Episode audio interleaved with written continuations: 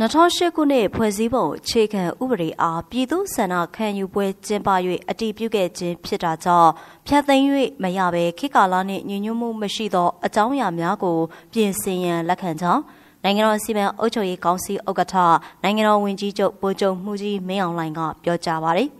အော်တိုဘာတရက်တောင်ကြီးမြို့ရှိရှမ်းပြည်နယ်အစိုးရအဖွဲ့ရုံးအစည်းအဝေးခန်းမ၌ရှမ်းပြည်နယ်အစိုးရအဖွဲ့ဝင်များကိုပိုင်အုပ်ချုပ်ခွင့်ရဒေသများမှတာဝန်ရှိသူများဌာနဆိုင်ရာဝန်ထမ်းများခရိုင်မြို့နယ်စီမံအုပ်ချုပ်ရေးအဖွဲ့ဝင်များနှင့်မြို့မိမြို့ဖများအားတွေ့ဆုံအမှားစကားပြောကြားရမှာဗိုလ်ချုပ်မှုကြီးမင်းအောင်လှိုင်ကအဲ့ဒီလိုထည့်သွင်းပြောကြားခဲ့ခြင်းဖြစ်ပါတယ်ဒီမိုကရေစီစနစ်မှာရွေးကောက်ပွဲဟာနိုင်ငံအတွက်အရေးကြီးသဖြင့်အမှားခံ၍မရကြောင်း ပြီးခဲ့တဲ့2020ပြည့်နှစ်အထွေထွေရွေးကောက်ပွဲမှာမဲစင်းများများစွာမှားယွင်းမှုဖြစ်ပေါ်ခဲ့ကြောင်း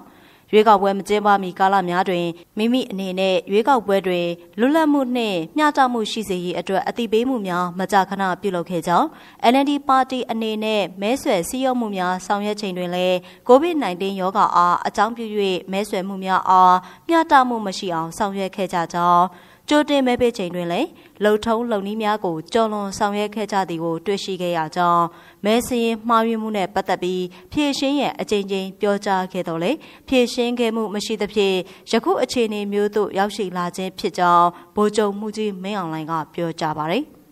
မိမိတို့နိုင်ငံမှာပြည်သူများလိုလားတဲ့ဒီမိုကရေစီလမ်းကြောင်းပေါ်တွင်ဆက်လက်ရှောင်လန်းနေကြောင်း2008ခုနှစ်ဖွဲ့စည်းပုံအခြေခံဥပဒေအားပြည်သူ့ဆန္ဒခံယူပွဲကျင်းပ၍အတည်ပြုဆောင်ရွက်ခဲ့ခြင်းဖြစ်တာကြောင့်ဖျက်သိမ်း၍မရကြောင်းခေကာလနှင့်ညီညွတ်မှုမရှိသောအကြောင်းအရာများအားပြင်ဆင်ရန်အတွက်မိမိတို့အနေဖြင့်လက်ခံကြောင်းမိမိတို့အနေနဲ့ ဒီမိုကရေစီအရာထိန်းသိမ်းဆောင်ရွက်ခဲ့ခြင်းဖြစ်ကြောင်းရွေးကောက်ပွဲအားမှန်မှန်ကန်ကန်ဖြင့်ပြန်လည်ကျင်းပနိုင်ရေးစနစ်တကျဖြစ်အောင်စီမံဆောင်ရွက်ကြရန်လိုကြောင်းဗိုလ်ချုပ်မှုကြီးမင်းအောင်လှိုင်ကပြောကြားပါရယ် ဒါအပြင်ငြိမ်းချမ်းရေးနဲ့ပတ်သက်ပြီးမိမိတို့အနေနဲ့ကြိုးပမ်းဆောင်ရွက်လျက်ရှိကြောင်းမိမိတို့နိုင်ငံဟာဒီမိုကရေစီနဲ့ဖက်ဒရယ်စနစ်ကိုအခြေခံတဲ့တိုင်းရင်းသားများစုပေါင်းနေထိုင်တဲ့ပြည်ထောင်စုနိုင်ငံဖြစ်ကြောင်းဒါကြောင့်ဒီမိုကရေစီစနစ်နဲ့ဖက်ဒရယ်စနစ်ကိုသိရှိရန်လိုကြောင်းဒီမိုကရေစီစနစ်ဆိုသည်မှာအများစု၏သဘောဆန္ဒဖြင့်ဥပဒေနဲ့အညီအုပ်ချုပ်ဆောင်ရွက်ကြရခြင်းဖြစ်ကြောင်းဥပဒေနဲ့အညီဆောင်ရွက်မည်ဆိုပါကအားလုံးလိုက်နာကြရမည်ဖြစ်တော်လဲ